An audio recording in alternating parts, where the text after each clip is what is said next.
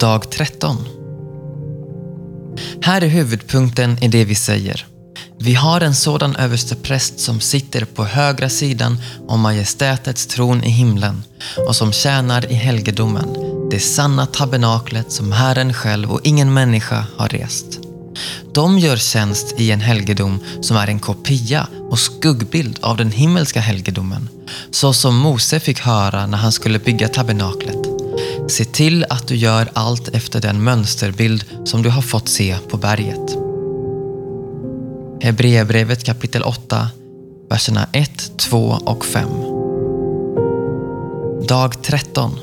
Han är den slutgiltiga verkligheten. Vi har redan sett det, men det finns mer att hämta här. Julen ersätter skuggorna med verkligheten. Hebreerbrevet kapitel 8, verserna 1-2 och 5 är en slags sammanfattning. Poängen är att denne enastående präst som går mellan oss och Gud och för oss in i rätt förhållande till Gud och ber för oss till Gud, inte är en vanlig, svag, syndig, döende präst som under Gamla Testamentets tid. Han är Guds son, stark, syndfri och med ett oförstörbart liv. Inte bara det, han tjänar inte i ett jordiskt tabernakel med all dess begränsningar av tid och rum som slits ut och förfaller och blir malätet och förstört och stulet. Nej, Hebreerbrevet 8, vers 2 säger att Kristus gör tjänst för oss i det sanna tabernaklet som Herren själv och ingen människa rest. Det här är inte skuggan. Det här är verkligheten från himlen. Det är den verklighet som kastade en skugga på berget Sinai och som Mose skulle kopiera.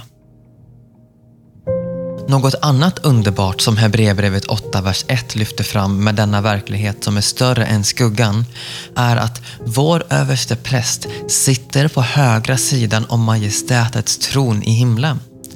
Ingen gammaltestamentlig präst kunde någonsin göra anspråk på det. Jesus har direkt kontakt med Gud Fadern. Han har en hedersplats på Guds högra sida. Han älskas och respekteras oändligt av Gud. Han är ständigt hos Gud. Detta är inte en skuggbild som utgörs av gardiner och skålar och bord och ljus och kläder och tofsar och får och getter och duvor. Detta är den sista, yttersta verkligheten. Gud och hans son som samverkar i kärlek och helighet för vår eviga frälsning. Den yttersta verkligheten är gudomens personer som i relation till varandra samarbetar för att deras majestät och helighet och kärlek och rättvisa och godhet och sanning ska uppenbaras genom ett återlöst folk.